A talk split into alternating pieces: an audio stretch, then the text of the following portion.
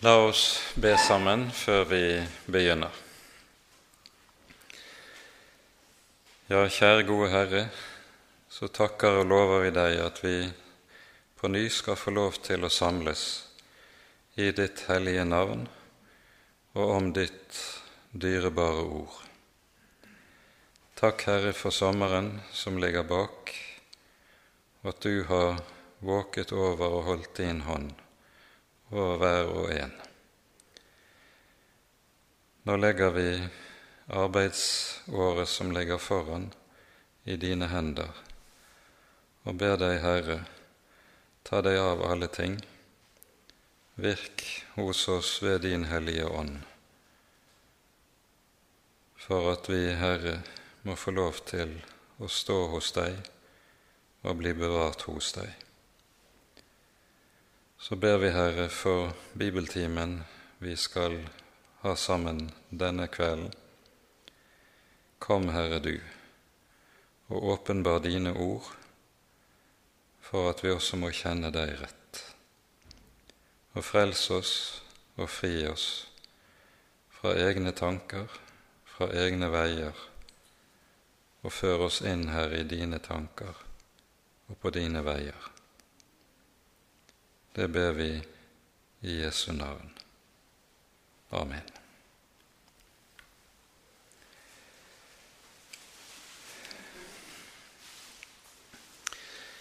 Når vi nå skal gi oss i kast med andre korinterbrev, så kommer vi til å ha for oss et brev som er meget særpreget i forhold til de øvrige Paulusbrevene.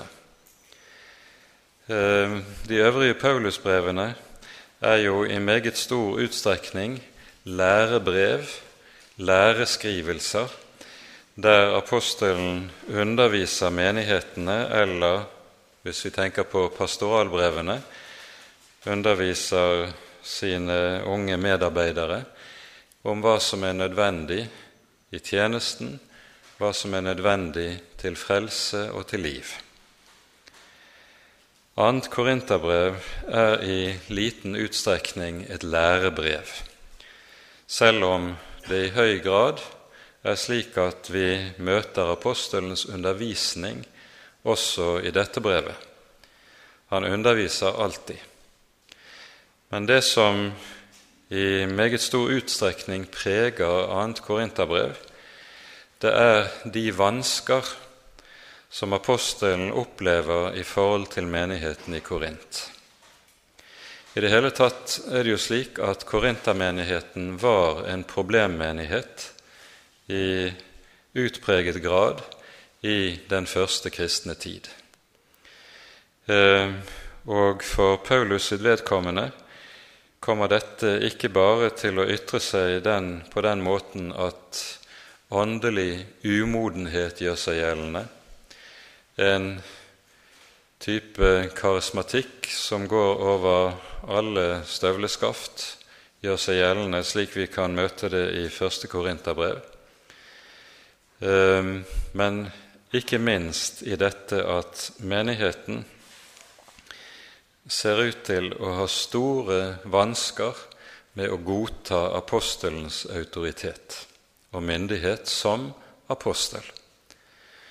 Dette antagelig foranlediget av og provosert frem av eh, enkeltpersoner i menigheten, og disse har antagelig vært eh, inspirert av omreisende predikanter som både hevdet at de var apostler, og samtidig, for å understreke sitt eget eh, apostelembete, søkte de å undergrave Paulus' apostelembete. Og dette gjorde de eh, med til dels ganske grov baktalelse av apostelens person. Det vi ser i brevet, er at disse falske apostler som har operert i Korint, de har i liten grad utfordret Paulus' lære. De har i liten grad søkt å undergrave hans lære. Men i desto større grad har de altså baktalt Paulus' person og søkt å undergrave hans apostolisitet. Og Dette gjør at Paulus har fått et meget anstrengt og meget vanskelig forhold til menigheten i Korint, noe andre korinterbrev i særlig grad vitner om. Og Derfor er andre korinterbrev et tårebrev. Og det er et brev der Paulus ser seg nødtvungen til å forsvare sitt apostelembete det er noe han vender tilbake til om igjen og om igjen utover gjennom brevet. Nå er det jo slik at når mennesker tvinges til selvforsvar på den ene eller den andre måte, så fører det, eller har det ofte med seg, at slikt selvforsvar kan bli ganske smålig og ofte preget av egenrettferdighet. I 2. Korinterbrev møter vi ingen av delene hos Paulus. Tvert om apostelens storhet trer ikke minst frem gjennom måten han forsvarer seg selv på, som er fri for enhver type av smålighet og ikke minst egenrettferdighet. Vi skal etter hvert som vi går utover i brevet, mer og mer se dette. Men dette som vi ser av korintermenigheten som en problemmenighet, det er noe som synes også å fortsette etter apostelens død. Når første Klemens brev skrives i rundt år 90 kanskje 92-93, så skriver Klemens, som da er biskop i Roma, nettopp til menigheten i Korint for å gå i rette med menigheten for de ulike slags uryddighet og uorden som finnes i menigheten. Så dette som har vært det korintiske problem, det er tydelig at dette har fortsatt også etter Paulus' død. Brevet vi har for oss, det er altså kalt annet korinterbrev i våre bibler. Men antagelig er det i virkeligheten enten det tredje eller det fjerde korinterbrev. Allerede i første Korinterbrev, i det femte kapittelet, hører vi om et brev som eh, Paulus har skrevet til menigheten i Korint forut for første Korinterbrev. Det står i femte kapittel vers 9.: Jeg skrev i brevet til dere at dere ikke skulle ha samkvem med horkarler osv. Så det er tydelig at det har vært ett brev som har gått forut for første Korinterbrev. Og eh, de fleste som arbeider med Det nye testamentet, mener at det antagelig også har vært et tredje brev som ligger mellom eh, vårt første og andre korinterbrev, som har vært skrevet. Men eh, det er svært stor uenighet mellom forskerne når det gjelder denne saken, og enkelte mener at eh, dette tredje korinterbrevet det har blitt innarbeidet i det som er vårt andre korinterbrev, og utgjøres da av kapittel 10 13 i annet korinterbrev. Men her er vi inne på teorienes område. Der gis ingen endelige svar ut fra Eh, noen slags historiske data. Vi har bare de faktisk foreliggende brevene å forholde oss til, og må se på disse. Når Paulus skriver til Korint, så er Korint en uhyre viktig by, ikke bare i Grekenland, ikke bare i Romerriket, men også en viktig by som et kristent senter. Og Derfor er det så maktpåliggende for Paulus at det blir orden på tingenes tilstand i menigheten. Korint er en nyrik by. Da romerne erobret Grekenland, så var Korint sentrum for motstanden og kampen mot romerne, og derfor la romerne byen fullstendig i ruiner da de erobret Grekenland. Dette skjedde år 146 før Kristus. Og Byen lå i ruiner i ca. 100 år, inntil Cæsar ga seg i kast med å gjenreise byen år 46 til 44. Og Da ble byen en romersk koloni som i alt vesentlig ble befolket av romerske krigsveteraner. Det var slik at når en romersk soldat hadde avtjent sin tjeneste, fikk han både en sluttlønn pluss at han i tillegg gjerne fikk tildelt et jordstykke eller et landstykke eller en eiendom. Og Korint ble et slikt sentrum der det særlig var romerske krigsveteraner som kom til å holde til. I tillegg så var Korint en uhyre viktig havneby. Og den kaltes gjerne for broen til eller døren til Grekenland. Og på Paulus tid hadde den antagelig 230 000-250 000 innbyggere. Og den var også hovedstad i den romerske provinsen Akaya. Korints betydning Eh, som havneby ga seg av dens beliggenhet. Det er jo en meget smal landtunge mellom den peloponnesiske halvøyen og det greske fastland. Og denne eh, smale landtungen, den er jo senere, der er det jo senere blitt gravet en kanal gjennom den. Den fantes ikke på romersk tid. Men eh, pga.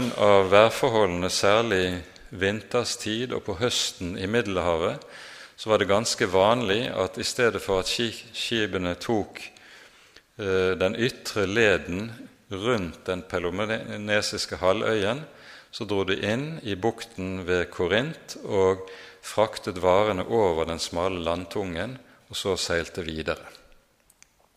Det sparte mange liv, og det sparte en for mange skipsforlis. Og bare av den ene grunn her så kom altså Korint til å bli en viktig havneby. Det som preget Korint som by, det var Det kan samles i det vi hører om uh, tempelet, som var det, så å si, det religiøse midtpunkt i byen. Det var Afrodite-tempelet eller Artemis-tempelet. Afrodite var jo kjærlighetens gudinne, og hun ble da også dyrket på det mest usedelige vis. Tempelet var fullt av tempelprostituerte, som gjerne ved, når det helte mot aften, dro fra tempelet ut i byens gater, og med dertil hørende umoral som fulgte med. Og i eh, det greske språk så hadde man etter hvert fått et eget ord, korinthiazo på gresk, eh, å leve korintisk. Det var ensbetydende med å leve grovt umoralsk. Og Det sier i seg selv svært meget om tilstanden i byen og hva byen var kjent for. Det var drukkenskap, umoral og et ganske rått liv. Og Derfor er det ikke tatt ut av løse luften, det som Paulus skriver i sjette, Korint, sjette kapittel i første Korinterbrev, når han skriver følgende fra vers 9.: Vet dere ikke at de som gjør urett, ikke skal arve Guds rike? Far ikke vil. Verken horkarer eller avgudsdyrkere eller ekteskapsbrytere, eller de som lar seg bruke til unaturlig utukt, eller menn som øver utukt med menn, eller tyver eller pengegriske eller drankere eller baktalere eller røvere skal arve Guds rike. Og så sier han, slik var det en gang med noen av dere. Ja, nettopp dette har vært det som har vært den moralske tilstand og situasjon i Korint. Så den korintiske menighet levet sann, sannelig i en verden, i omgivelser, der det å leve som en kristen betydde å skille seg radikalt ut fra omgivelsene på det sedlige eller på det moralske området. En annen sak som var meget viktig i Korint, det var de såkalte istmiske leker. Eh, idrett og idrettskonkurranser hadde en meget stor plass i både i det antikke Hellas og antikkens Romerrike. De mest kjente var jo de olympiske leker, som ble holdt, avholdt hvert fjerde år. Men de lekene som kom på annenplass i betydning etter de olympiske leker, det var nettopp de istmiske leker, som ble avholdt annethvert år, altså. Og disse istmiske lekene de var tredelt. Det var for det første ulike slags løpskonkurranser. Dernest var det kampsport, enten bryting eller boksing. Og det er disse to typene konkurranser i de istmiske leker som Paulus viser til når han bruker idrettsmannen som forbilde, slik vi hører det i det niende kapittelet i første Korinterbrev. Der taler han om den forsakelse som eh, er nødvendig dersom en skal seire i kamp. Vi leser fra vers 24 av i 1. Korinterbrev kapittel 9. Vet dere ikke at de som løper på idrettsbanen, de løper vel alle, men bare én får seiersprisen? Løp da slik at dere kan vinne den. Enhver som deltar i idrettstevling, er avholdende i alt. De altså for å vinne en forgjengelig krans, men vi en uforgjengelig. Så løper jeg da ikke som på det uvisse. Jeg kjemper ikke som en som fekter i løse luften, men jeg undertvenger mitt legeme. Og I vers 26 så hører vi altså Paulus nettopp tale om to av de typene tevlinger som det var i de istmiske leker. Det var løp, og det var boksekamp. Den tredje typen tevling som foregikk i de istmiske leker, det var musikkonkurranse. Vi kunne kanskje sammenligne dagens såkalte Idol-programmer på TV med noe av det som foregikk under sangkonkurransen i disse lekene. Nok om det. Dette er i hvert fall en del av det som eh, eh preget denne byen, og som ble sett på som meget viktig i Korint. Paulus besøker Korint under sin andre misjonsreise. Dette hører vi om i det 18. kapittel i apostelgjerningene. Og han oppholder seg da hele 18 måneder i byen. Og vi hører det er en stor virksomhet som uh, lukkes opp for ham, og det er slik at forkynnelsen av evangeliet bærer rik frukt. Så rik frukt at etter hvert så begynner de som har en bestemt næringsvirksomhet i byen, å bli meget bekymret.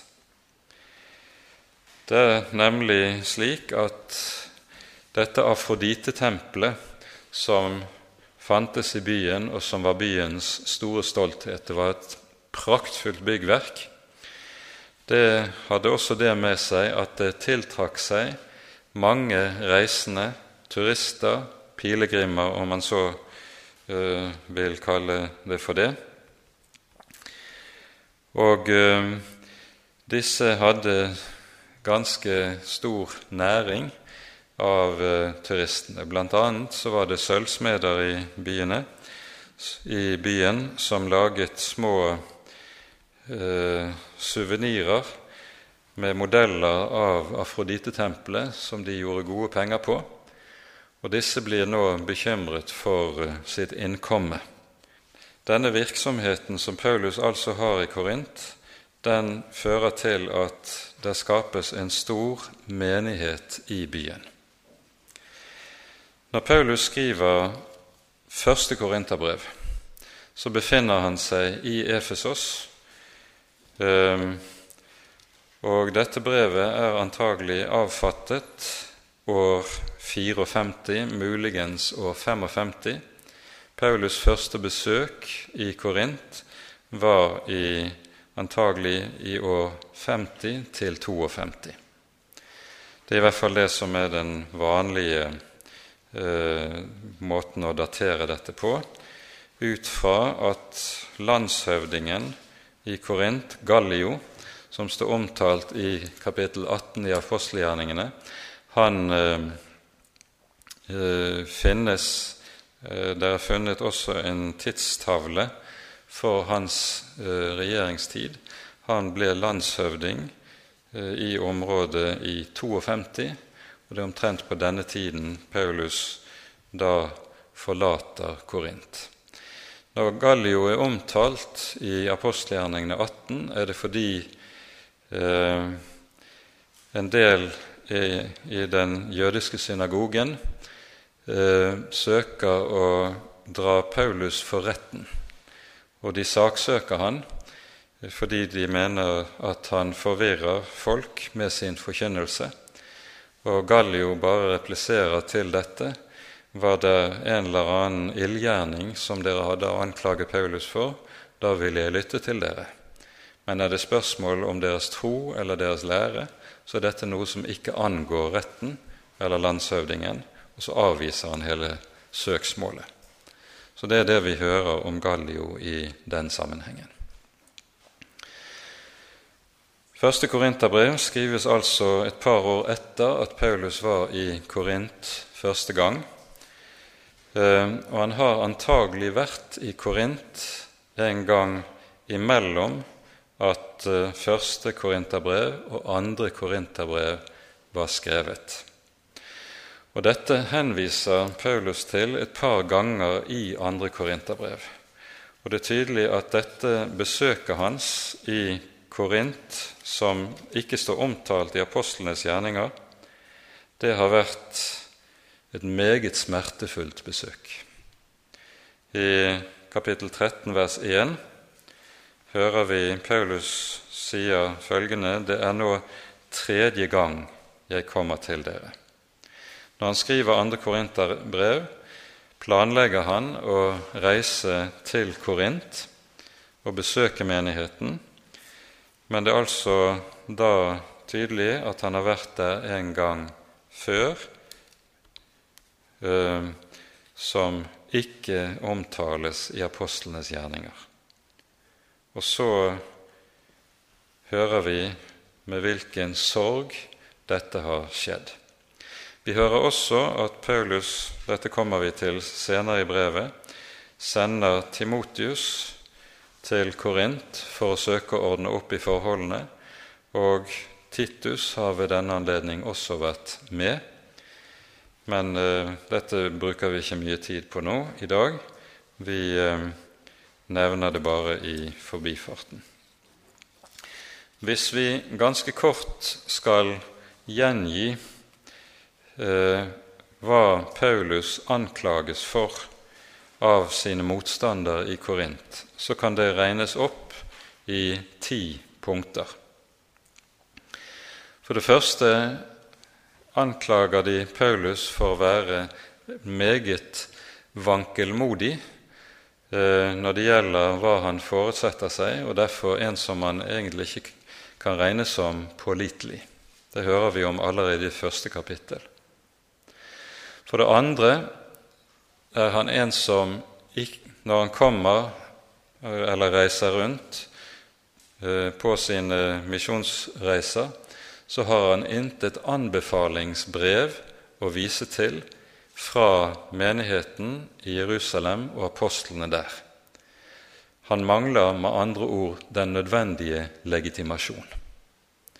De falske apostlene som har reist rundt, de har i motsetning til dette reist rundt med anbefalingsbrev, men det har høyst sannsynlig vært rene forfalskninger.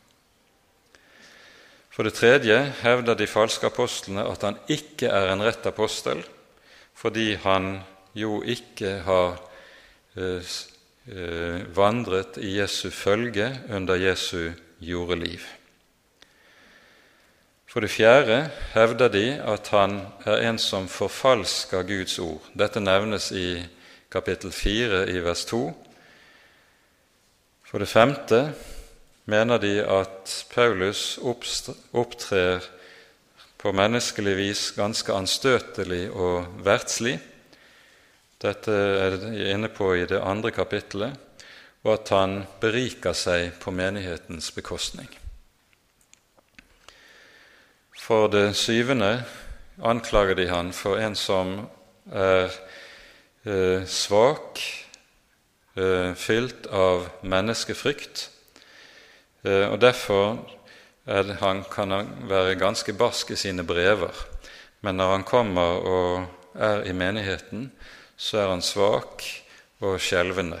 Og dette kan de jo understøtte med det Paulus selv skriver i det andre kapittelet i første Korinterbrev, der han taler om sin egen skrøpelighet og sier at 'jeg var hos dere i svakhet, under stor frykt og beven'. Og Derfor hevder de også for det åttende at han er ganske ynkelig, både i sin fremtoning og i sin tale. Eh, for det niende hevder de derfor også at han er ingenting sammenlignet med de som kan kalles for superapostlene. Og Dette er et uttrykk som han anvender to ganger i kapittel 11, vers 5, og i kapittel 12, vers 11. Det er oversatt i våre bibler med 'de såre store apostler'. Det er disse som gir seg ut for å være noe. Men Paulus bruker et helt særeget uttrykk på gresk som kanskje best kan oversettes med 'superapostler'.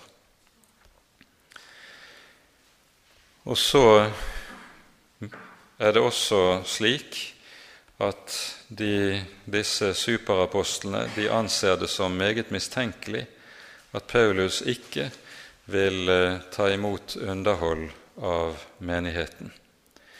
Så, og Dette henger jo ikke helt sammen forhold, hvis vi ser i forhold til andre anklager som Paulus ble møtt med.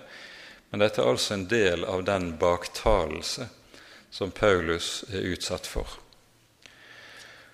Og vi forstår i, av andre korinterbrev at dette er noe som har voldt Paulus meget stor smerte. Det har ikke vært enkelt for han å bli utsatt for slike anklager og for slik baktalelse. Dette så meget mer som Paulus jo har lagt ned livet sitt for menighetene. Dette kommer vi tilbake til. Vi bruker av og til begrepet korsteologi. Og begge Paulus sine korinterbrev er preget av korsteologien. Første korinterbrev, der hører vi i ganske særlig kapittel 1 og kapittel 2 om hvorledes Kristi kors er det sentrale i Paulus' budskap.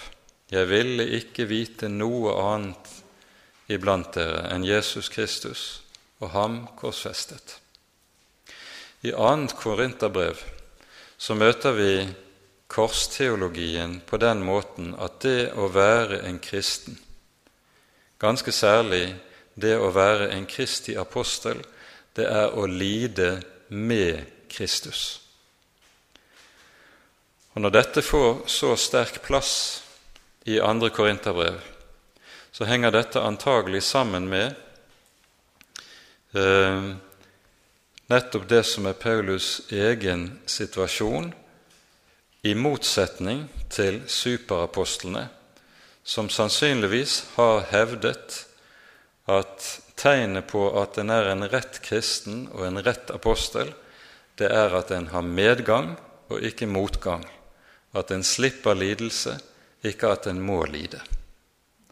Antagelig er det denne typen tenkning som har lydd fra superapostlenes munn. Og så er det Paulus i motsetning til dette holder frem korsteologien.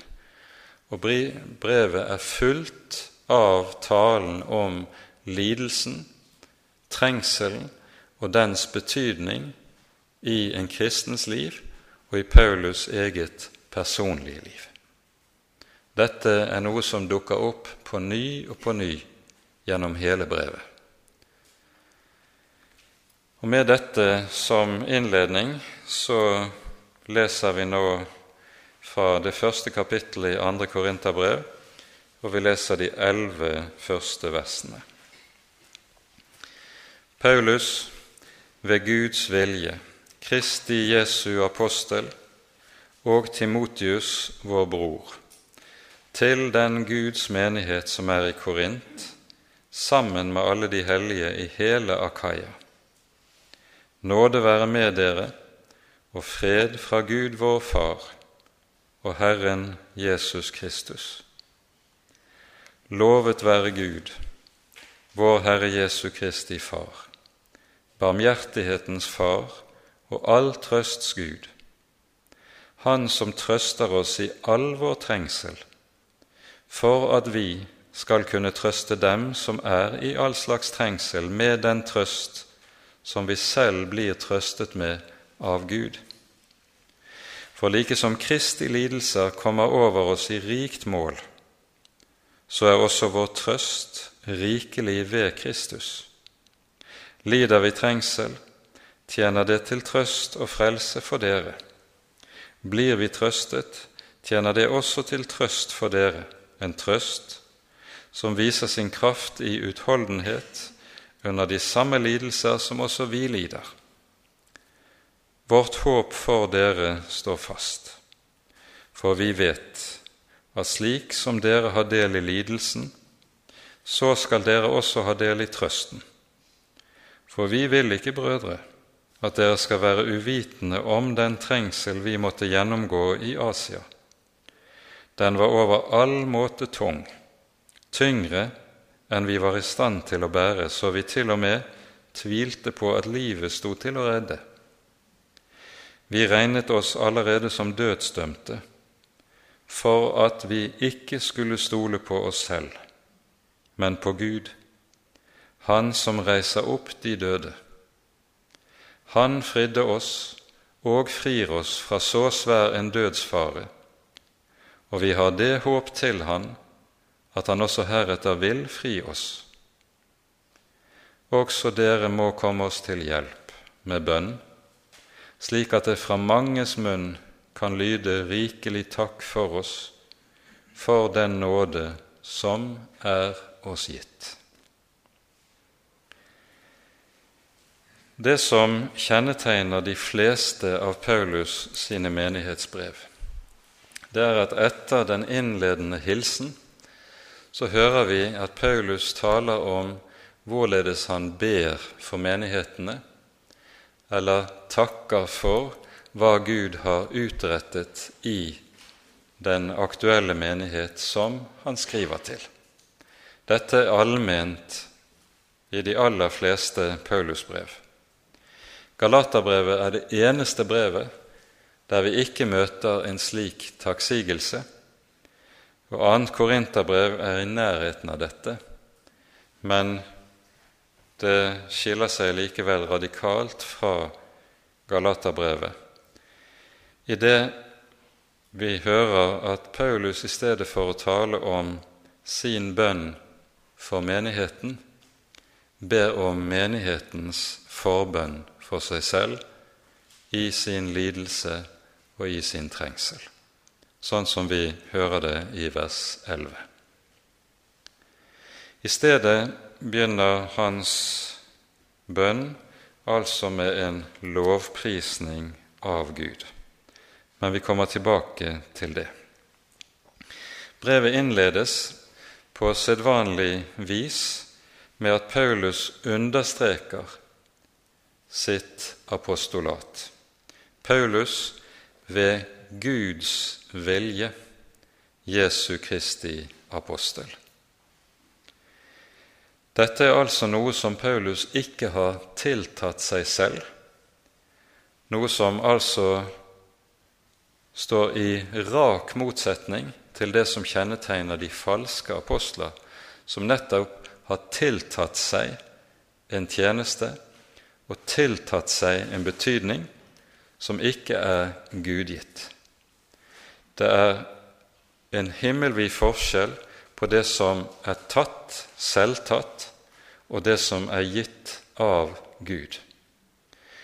Og Paulus beretter jo allerede når vi hører om kallelsen ved utenfor Damaskus, omvendelsen der, allerede der taler Herren til ham om og forbereder han på den tjeneste som ligger foran. Men det første i det 13. kapittelet i apostelgjerningene vi hører den direkte kallelsen etter at det er gått noen år fra omvendelsen ved Damaskus. Dette går vi ikke nærmere inn på. Når det er tale om apostolatet, så er det tale om en myndighet som er gitt av Herren selv en myndighet som Jesus selv setter ord på flere steder i evangeliene. Vi hører både i Matteus 10 og i Lukas 10, når han taler til apostlene og sender dem ut, så sier han:" Den som hører dere, hører meg. Og den som forkaster dere, han forkaster meg. Det å være en apostel, det er å være en utsending på Kristi vegne med Kristi egen fullmakt til å tale som Kristi egen munn. Og det er dette som er det store alvor i problemet som er kommet i Korint. Når Jesus selv sier 'Den som forkaster dere', han forkaster meg, så skjønner vi alvoret i korintermenighetens situasjon ved å sette spørsmålstegn ved og undergrave apostelens myndighet, så står de i fare for også å komme bort fra Jesus.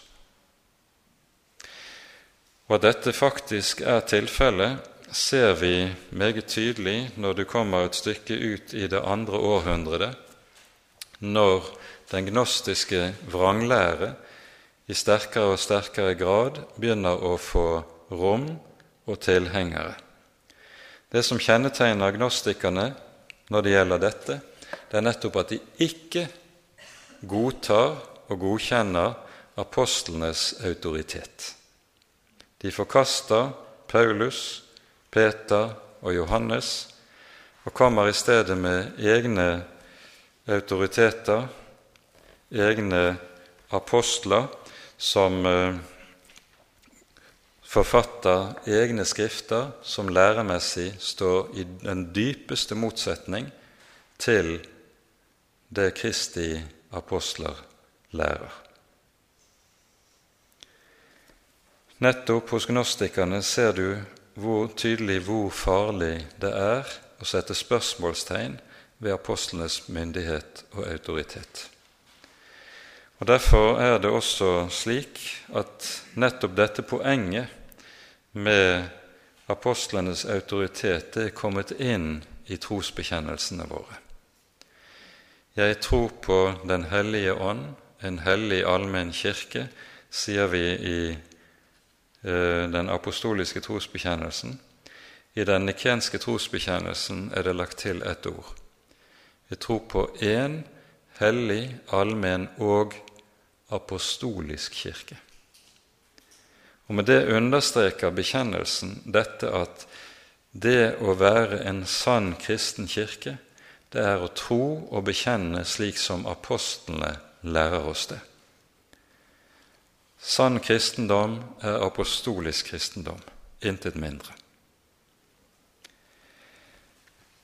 Paulus skriver ikke dette sitt brev alene. Timotius er medforfatter, eh, og tankegangen er nok bak dette det som Det gamle testamentet også minner om. Enhver sak skal stå fast ved to og tre vitners ord. Derfor nevnes Timotius sammen med Paulus i denne sammenhengen. Og så hører vi hvorledes Paulus tiltaler denne menigheten. Til den Guds menighet som er i Korint. Med det så sier Paulus altså at menigheten er Guds eiendom. Dette er en sannhet som er uhyre viktig å stanse opp for oftere enn vi gjør. Menigheten er Guds eiendom. Det er ikke en menneskelig innretning, og det er ikke noe som derfor er opp til mennesker å styre etter eget forgodtbefinnende. Herren er den som har kjøpt menigheten med sitt eget blod. Dere er dyrt kjøpt, skriver Paulus til menigheten i første Korinterbrev. Dere er dyrt kjøpt. Bli derfor ikke menneskers treller. De er Guds eiendom, og derfor skal de ikke tenke slik at det er opp til mennesker å styre og råde i menigheten. Det som Gud eier, det er det også Gud som skal råde i sin, etter sin vilje og etter sitt ord. Og så kaller han menigheten for hellige. Og Det betyr jo ikke at de er hellige i seg selv, men slik som vi hører det i innledningen til første Korinterbrev, der det står slik i det andre verset i kapittel 1, når han sier hertil tiltaler menigheten som følger til den Guds menighet som er i Korint, de som er helliget i Kristus Jesus. Ved troen på Jesus har de fått del i Jesu egen hellighet, og derved er de blitt utskilt fra verden for å tilhøre Herren. Det er Han som er den som helliger, og han helliger ved troen på Sønnen, på Jesus. Så kommer inngangshilsen, den apostoliske nådehilsen. Nåde være med dere, og fred fra Gud vår Far og Herren Jesus Kristus. Den apostoliske hilsen den uh, setter ord på det som er det bærende i det kristne livet. Det er aldri bare en lettvint eller tom hilsen, et tomt munnhell fra apostelen sin side, men det er dypt meningsfulle ord. Nåden det er noe de har fått del i i kraft av at Guds sønn har gitt sitt eget liv for de troende. Og nettopp dette er det eneste de kan leve i og kan leve på og kan leve av. Og det er det eneste de kan dø i og dø på også. Og Derfor lyder det som så å si det grunnleggende ønsket fra apostelen sin side. Det er dette de må leve i og aldri, aldri komme bort fra. Der hvor nåden råder, der vil også freden råde. Jesus er fredsfyrsten. Og Dette er altså hilsen, apostelen sin hilsen, en hilsen som i gammel kristen språkbruk har kommet til uttrykk i det på det vis at når kristne i tidligere tider hilste hverandre, når de møtte hverandre, så hilste de hverandre og sa 'Guds fred'. Fortsatt gjør en dette blant troende mennesker i Nord-Norge, men hos oss er en blitt så sekularisert også på dette området at en ikke lenger hilser hverandre på det vis.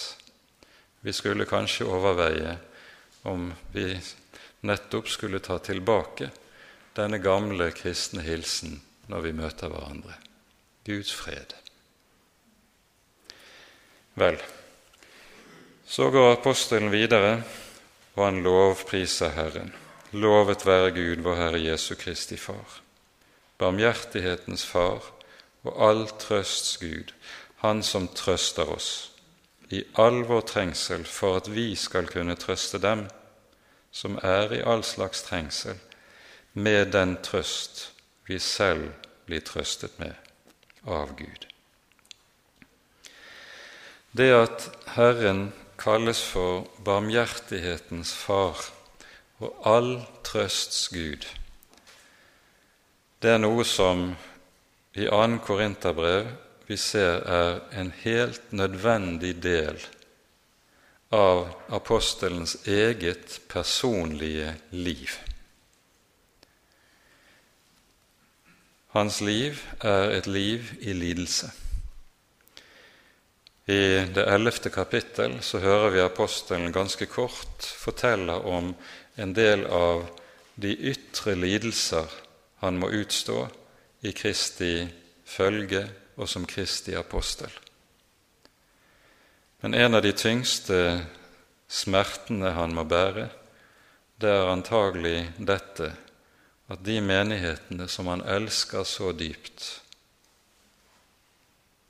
de forakter og baktaler ham. I andre Timotius brev hører vi på slutten av brevet Dette er jo Paulus sin svanesang. Der sier han på slutten av brevet at alle de i Asia har vendt seg fra meg. Et dypt vemod. Det er tydelig at menighetene har hatt meget vanskelig med Paulus' budskap og autoritet og å holde fast på den. Og så opplever Paulus den samme smerte som Moses stadig måtte oppleve med Israels folk under ørkenvandringen. Moses er ikke for Israels folk under ørkenvandring den store frigjøringshelten som alle ser opp til, alle respekterer og alle hyller. På ny og på ny ser vi at folket vender seg mot ham, og ved mer enn én en anledning er han nær ved å stenes og bli tatt av dage dersom ikke Herren hadde grepet inn direkte. Dette har vel kanskje vært det tyngste åket som Moses måtte bære under 40 år i ørkenvandringen. For Paulus må dette også ha vært noe av det tyngste å oppleve hvordan menighetene kunne baktale ham vende ham ryggen. Men dette tales det altså mer om senere i brevet. Her er det tale om at Herren omtales som all trøsts Gud.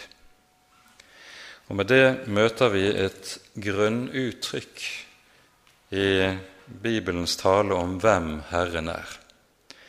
I Det gamle testamentet, så når hører, vi hører tale om den kommende Messias, så kalles han for Trøsteren. Det er et av de navn som Det gamle testamentet setter på ham i flere sammenhenger. Han er trøsteren. Og I tråd med dette så hører vi om gamle Simeon i tempelet i Lukas 2, at det står om ham at han ventet på Israels trøst. Ja, det sies om ham, når, og vi forstår hva som menes med det. Han venter på Messias komme Messias fremtreden. Det er han som er Israels trøst. Og Herren tegnes altså som trøsteren. Og så sies det like som Kristi lidelser rikelig kommer over oss, så er også vår trøst rikelig ved Kristus. Hva slags lidelser det konkret er tale om i denne sammenheng, vet vi ikke så veldig mye om. I fravers 8 omtaler Paulus en særlig begivenhet som har uh, skjedd i Asia. Vi vil ikke, brødre, at dere skal være uvitende om den trengsel vi måtte gjennomgå i Asia.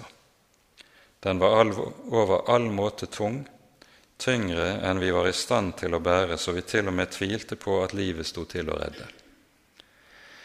Det er en rekke utleggere av 2.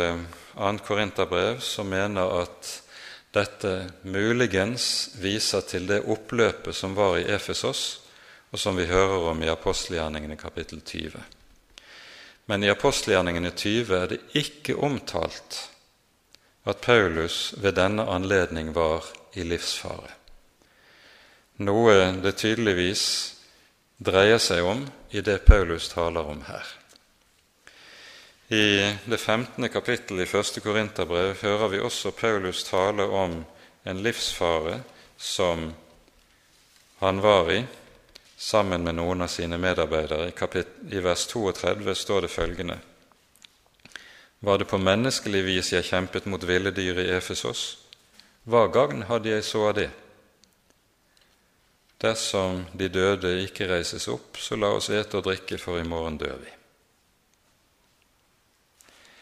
Dette å kjempe med ville dyr i Efesos, det står heller ikke omtalt i apostlenes gjerninger, med mindre det Paulus her har i tanke, nettopp er oppløpet som var i Efesos, altså at det er tale om mennesker som opptrer som villdyr.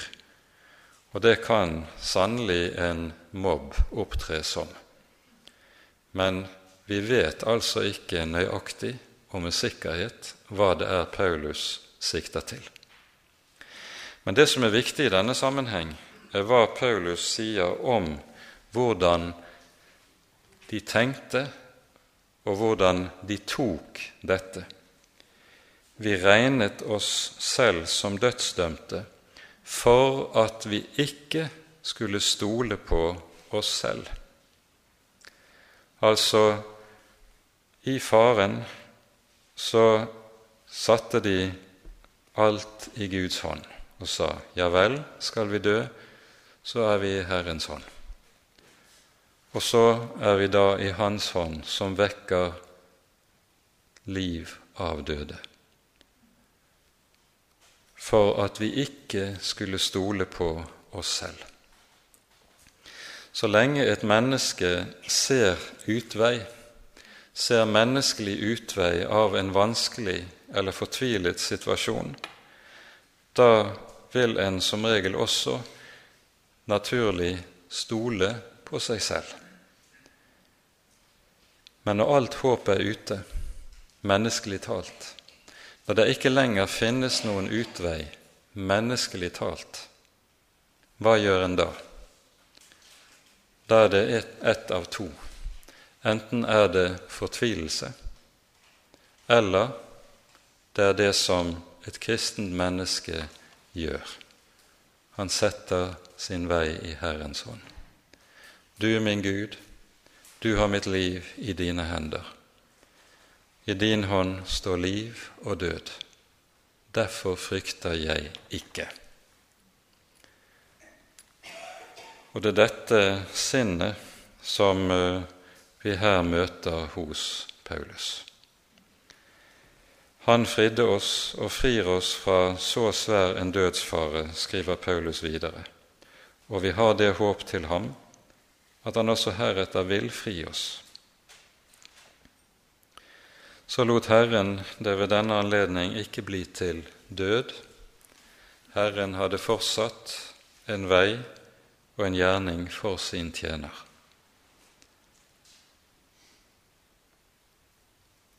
Men det handler altså om dette grunnleggende. Hvem stoler vi på? For det som stadig er og blir vårt problem, det er at vi stoler på det vi kan se med våre øyne, det vi kan kalkulere med å beregne ut fra vår forstand hvorvidt vi har kontroll over situasjonen eller ikke. Men når vi ikke lenger har kontroll, som Paulus skriver det, vi er dødsdømte, hva da? Og Der er det at Paulus gjør sånn som vi hører det, og han er blitt trøstet. Nå skriver han i vers 5, som vi hørte det, like som Kristi lidelser kommer rikelig over oss, så er også vår trøst rikelig ved Kristus. Dette uttrykket, Kristi lidelser, det er uhyre viktig i Det nye testamentet. For med det så taler apostelen om sin, sitt samliv med Jesus. I Romerbrevet kapittel 6 taler han om, hvorledes han er døpt til Jesus og ved det innpodet i Kristus, slik at han lever i ham og ved ham og sammen med ham. Det kristne liv er et samliv i og med Jesus og i og med hans person. Og Derfor så er det en kristen lider, det, det, det lider han sammen med Herren Jesus. I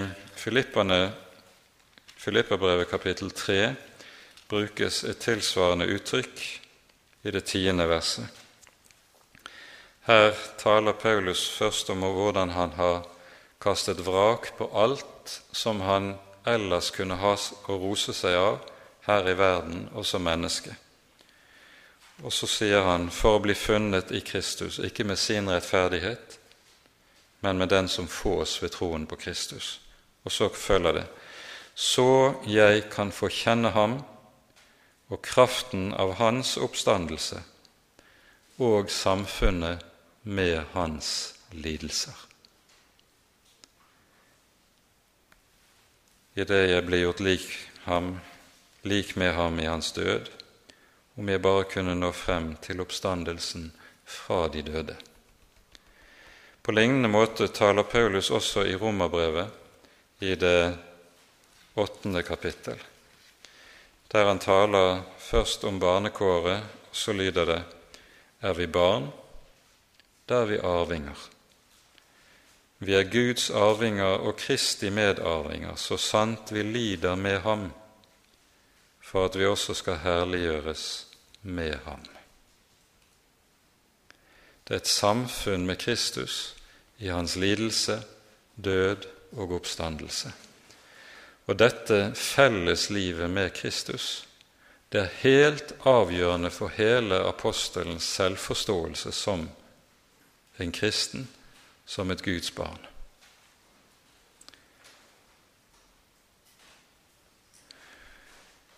Like som han lider med Kristus, så er trøsten også i Kristus.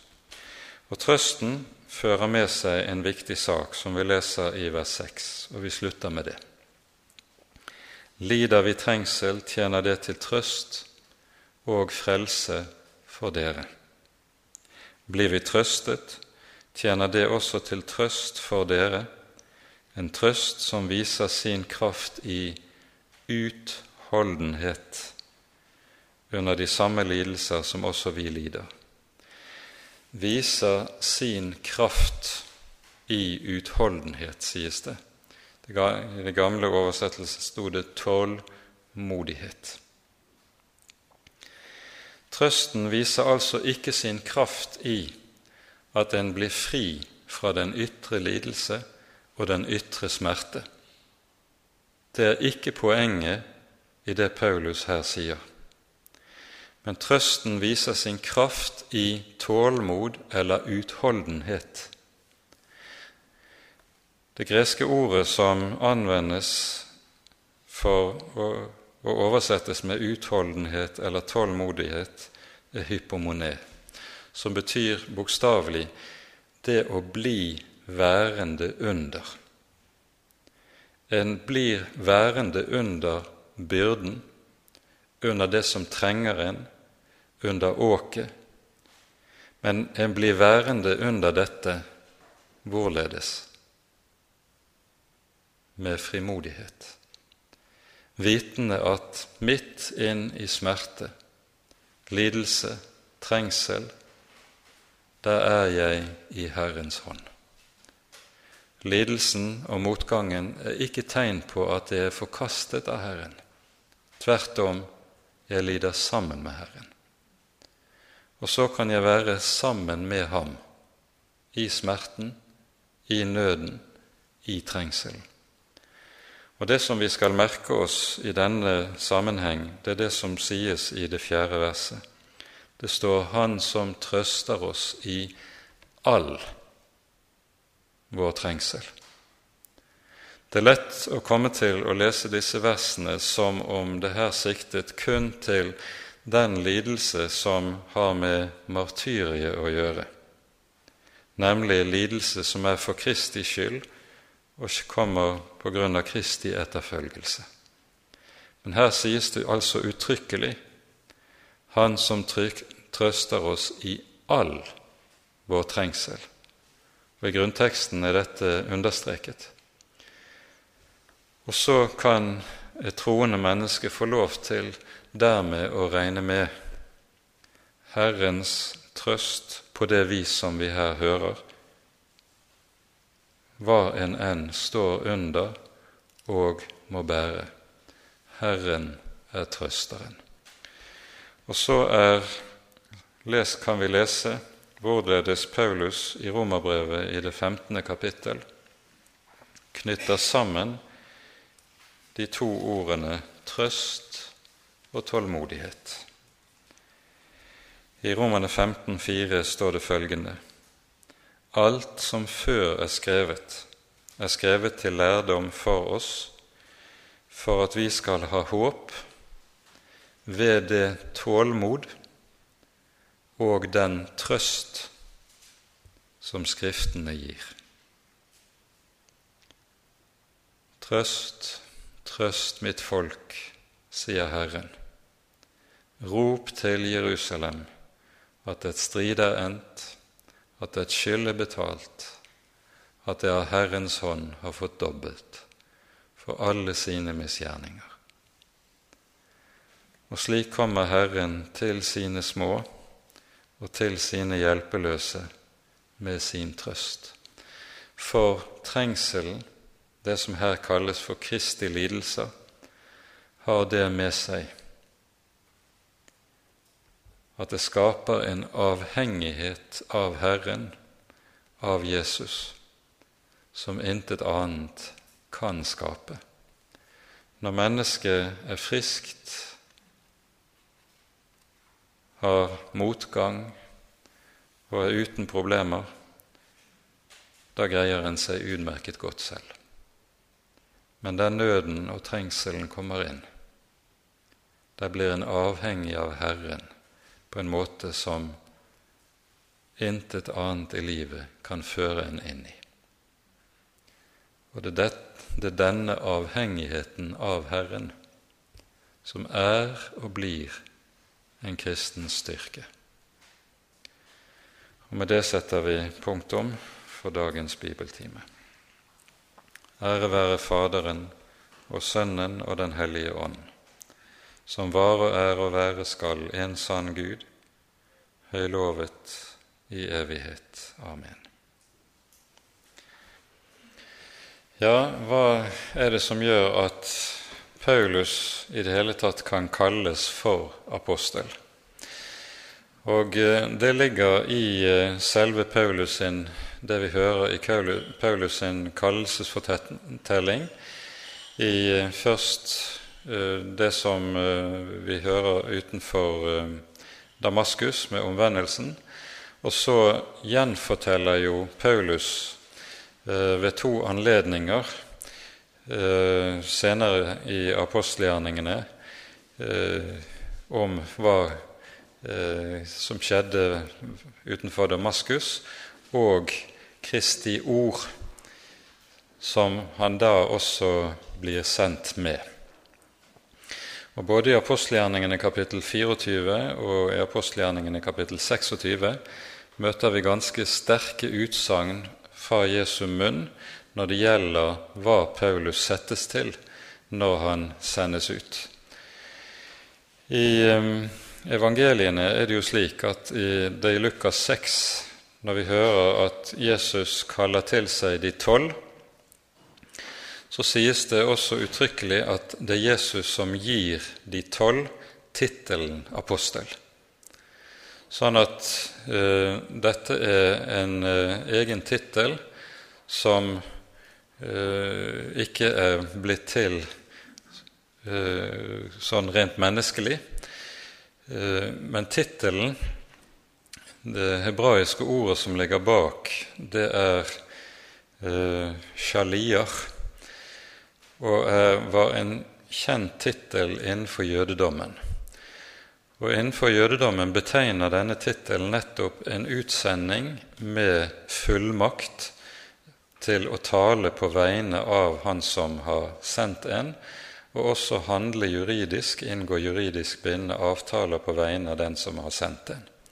Så Shaliah-institusjonen var en institusjon innenfor jødedommen, innenfor synagogen, som eh, innebar ganske vidtgående fullmakter.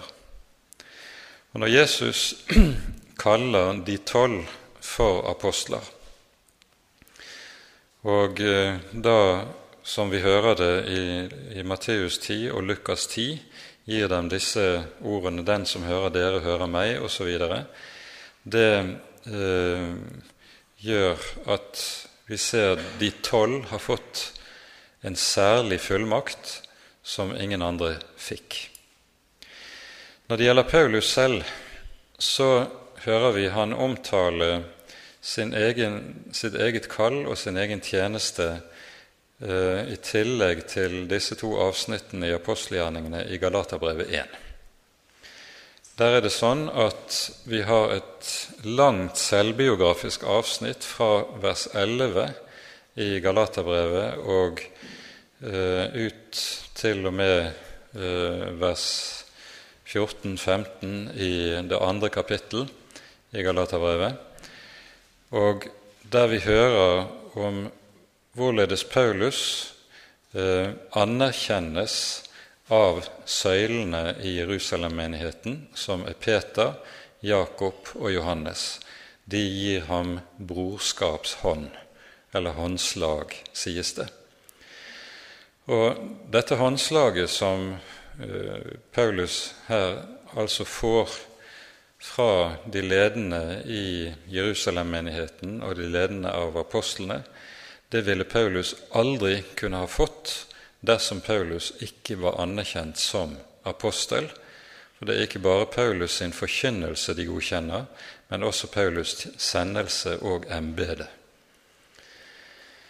Og I tråd med dette så har altså Paulus eh, den stilling at han anerkjennes som apostel og regnes med til de tolv.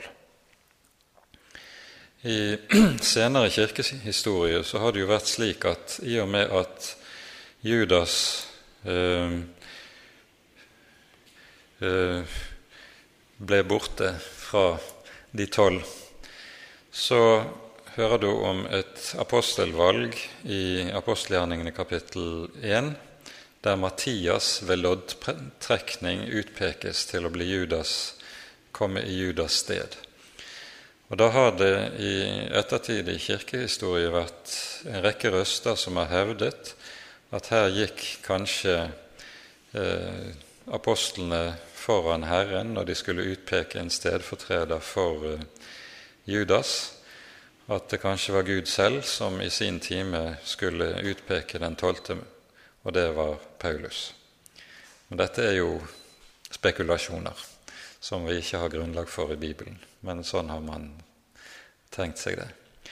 Når Paulus begrunner sitt eget apostolat, så begrunner han det med at han også selv har møtt Kristus, nemlig den oppstandende. Jesus har som den oppstandende vist seg for ham.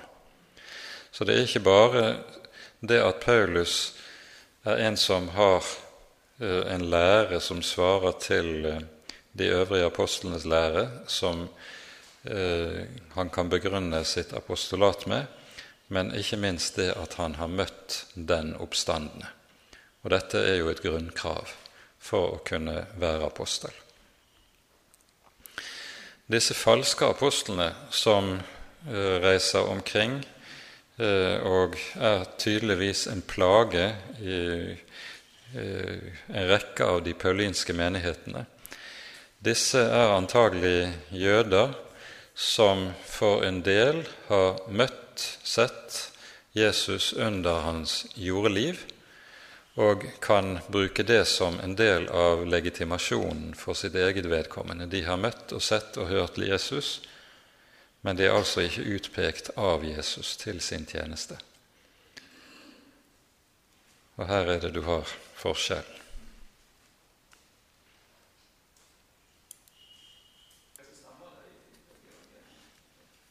Det er helt riktig. I Lukas 10 eh, så er dette noe som sies til de 70 i forbindelse med utsendelsen av dem. Det er helt riktig. Men eh, jeg tror det svaret som du selv har tenkt, det er kanskje det beste svaret. Hvor meget eh, mer da de tolv? det er de som senere er listet opp med den særlige fullmakt og det særlige kall som Jesus har gitt dem. De 70 sitt kall det var en rent sånn leilighetsmessig utsendelse. Og vi hører ikke senere om disse 70 ved noen anledning. Eh, ingen av dem er heller navngitt, så vi kjenner ikke til verken hvem de er, eller hvor det er blitt av dem. Vel, eh, det kan du kanskje argumentere, men nå er det jo helt tydelig at Eh, det er avgjørende for Paulus at hans apostolat blir anerkjent. Og det vi jo ser i den første kristne kirke, det er at der Paulus sitt apostolat ikke anerkjennes, der får det katastrofale konsekvenser for menighetene. Og Det er jo dette som også da er noe av hovedproblemet i forhold til menigheten i Korint. For Dersom det virkelig skulle komme til å bli utgangen på denne konflikten som er i forhold til korintermenigheten, at Paulus sitt apostolat forkastes av menigheten, da vil menigheten også komme til å gå til grunne som kristen menighet. Og det er det alvoret i den situasjonen.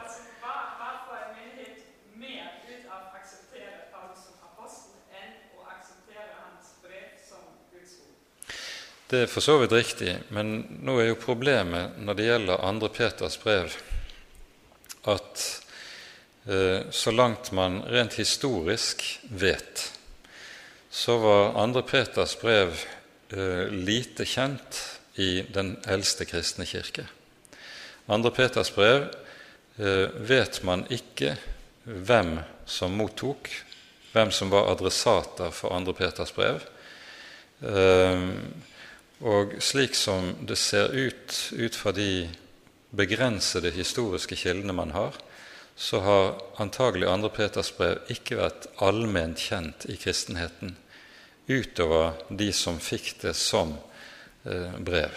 Så det er først gradvis at 2. Peters brev kommer til å bli allment kjent.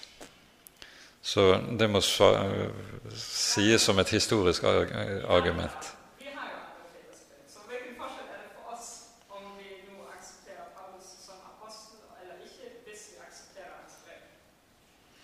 Vel, aksepterer vi hans brev, så aksepterer vi han som.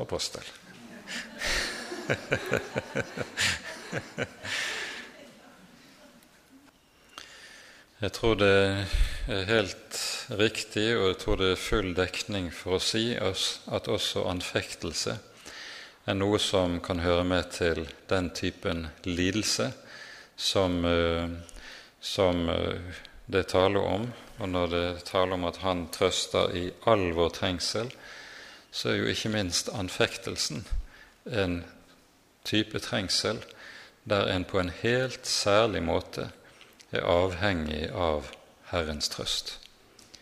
Fordi anfektelsen jo har det med seg at der eh, dras så å si grunnen vekk under føttene mine som et Guds barn.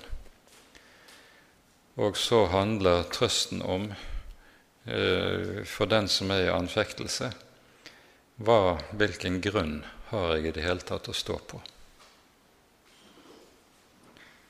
Og da er det bare evangeliet som kan hjelpe et menneske som er kommet i en sånn situasjon.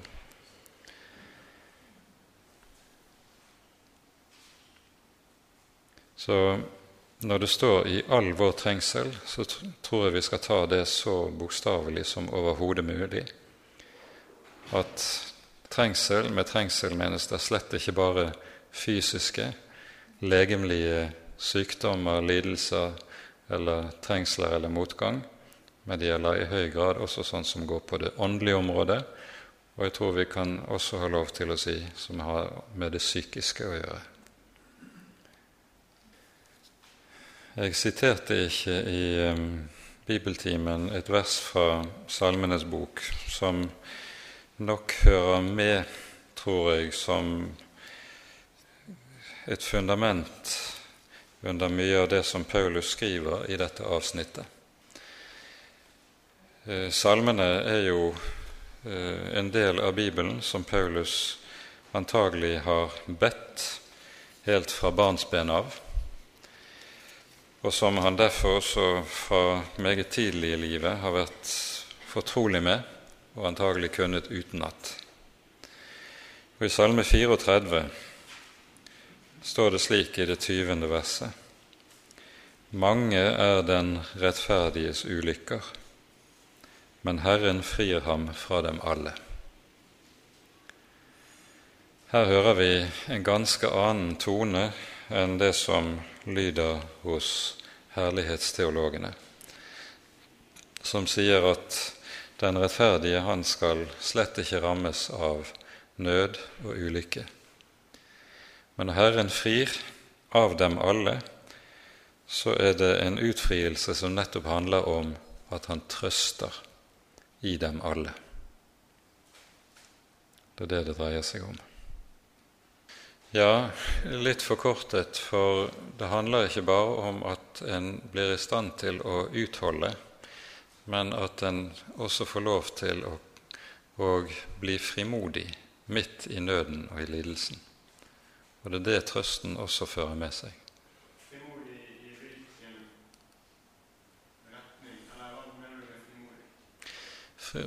Det at du har den frimodige tillit at 'jeg er i Herrens hender'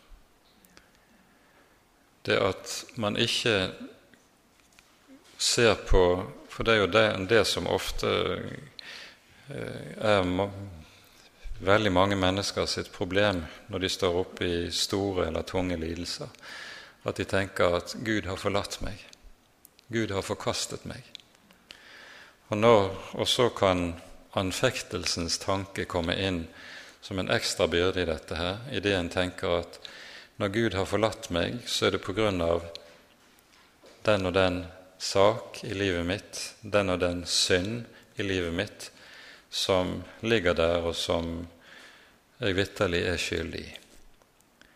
Og når det begynner å ramme et menneske, da blir både ytre lidelse, enten det er snakk om sykdom eller annen type motgang i livet, dobbelt så tung å bære. For det er en himmelvid forskjell på å stå i lidelse og smerte, vitende at jeg er i Herrens hender, og det å motsatt stå der og tenke jeg er ikke lenger i Herrens hender, han har vendt meg ryggen. Og det den frimodighet som får lov til å eie troens hvile. Jeg har syndenes forlatelse, jeg er Guds barn, jeg er i Herrens hender, midt oppi det som er av smerte og nød. I det ligger det en veldig frimodighet. Og det er det det dreier seg om. Ja, om Hva slags forskjell det er, det vet jeg ikke. Men det er jo klart det at det er mange Guds barn som kan vitne om hvordan de har vært i tunge og vanskelige situasjoner, og så har de fått et ord fra Gud. Det er et bibelord som på en helt særlig måte som har kommet, har blitt levende, som de kanskje er blitt minnet om av en troende venn. Og så har det bibelordet blitt til på en måte en klippe som en kan hvile på. Og så kommer det bibelordet kanskje til å bli stående som det som bærer en gjennom lange tider, kanskje. Um, og på den måten så ser vi at slik kan Herren komme og hjelpe og trøste sine. Uh, men det som er viktig, tror jeg, å understreke, det er at Herrens nærvær, det å være i Herrens hånd, det er noe som ikke nødvendigvis er noe følbart, eller noe som en så å si kan, kan eh, registrere rent sånn følelsesmessig. Eh, et Guds barn skal kunne vite i kraft av evangeliet og syndenes forlatelse, at jeg er Herrens hånd også om alt bruser inni meg, og jeg ikke føler fred over hodet. Han er nemlig den samme, selv om alt hos meg skifter. Og det er jo det troen skal på en måte ha feste i. I det hele tatt så er det på dette området egentlig det samme som det alltid er eh, det grunnleggende problemet for oss som kristne. Det er dette spørsmålet hvor er blikket mitt vendt? Er blikket mitt vendt innover mot mitt eget hjerte? Da er ofte nøden og fortvilelsen der men får hjelp til å løfte blikket, feste det på Herren og på Herrens ord og løfte, så er det der hjelpen er. Og det er det vi gjennomgående trenger hjelp til. Vi har jo en sånn, for hvis vi kanskje skal slutte av med det Vi har jo en, en eksempelfortelling på dette i, i Det nye testamentet som er veldig talende. Og Det er denne historien når eh, Peter skal gå på vannet i Matteus 14. Jesus har sendt disiplene av sted eh, etter at de 5000 er blitt mettet i ødemarken. Eh, han har sendt dem ut på sjøen, mens han selv er gått opp i fjellet for å be. Og så blir det natt. Om natten blåser det opp, og de får en ganske kraftig motvind. Da er det jo for det første viktig å merke oss at når de opplever motvind, så er det ikke fordi de er et sted hvor Jesus ikke har sendt dem. De er nettopp der hvor Jesus har sendt dem, og der opplever de motvind og motgang. Vinden er imot, sjøen er imot. Og så er disse her som er i båten, de er vant til sjøen. De fleste av de er fiskere. Så de har vel vært ute en vinternatt før og tenker dette skal vi klare. Men vinden blir hardere og hardere. Og så kommer Jesus til dem i den fjerde nattevakt. Han kommer ikke i første nattevakt når de fortsatt er sterke og har friske krefter. Han kommer ikke i andre nattevakt. De begynner kanskje å bli trøtte da, men fortsatt så tenker de dette skal vi klare. Men han kommer ikke i andre. Heller ikke tredje. Når det begynner å røyne på, og de tenker nå spøker det, kanskje dette her ikke går. Men han kommer i fjerde, når det er mørkest. Og så blir jo disiplene redde, og etter at Jesus har gitt seg til kjenne, så sier Peter, 'Herre, er det deg? Da si til meg at jeg skal komme, komme til deg på vannet.' Kom, sier Jesus. Og så går Peter over ripen på båten og ut på bølgene og så bærer det. Og så står det i bibelteksten Men da han så det hårde vær, ble han redd og begynte å synke. Altså, det, Vi forstår av teksten at det som er tilfellet, er at når Peter går over ripen, og det bærer, så ser han på Jesus. Han ser på Jesus, og så bærer det. Men så sanser han seg. Han begynner å høre hva i alle dager er det jeg holder på med? Han hører vinden ule i masten, bølgene som skummer rundt føttene. Hva er det jeg holder på med? Og så går blikket alle andre steder. Da synker han. Og sånn er det med oss. Når blikket går alle andre steder på dette som volder oss nød og vansker, da er det fortvilelsen også er der. Men får vi lov til å feste blikket på Han som er klippen, Han som er trofast, Han som er synderes venn, da bærer det. Og det er det vi trenger hjelpen til. Så skjer det jo det med Peter, da, at han ligger der og kaver i bølgene. Og da kommer dødsangsten. Herre, hjelp meg. Herre, frels meg. Og Da sier ikke Jesus at ja vel, siden du trodde så lite, så får det bare være. Men han rekker hånden ut og drar han opp. Og så hjelper Jesus en som er lite troende. Og det er jo det som er det store i evangeliene. Han tar seg av sånne som har liten tro. Og Da kan han ta seg av sånne som deg og meg òg.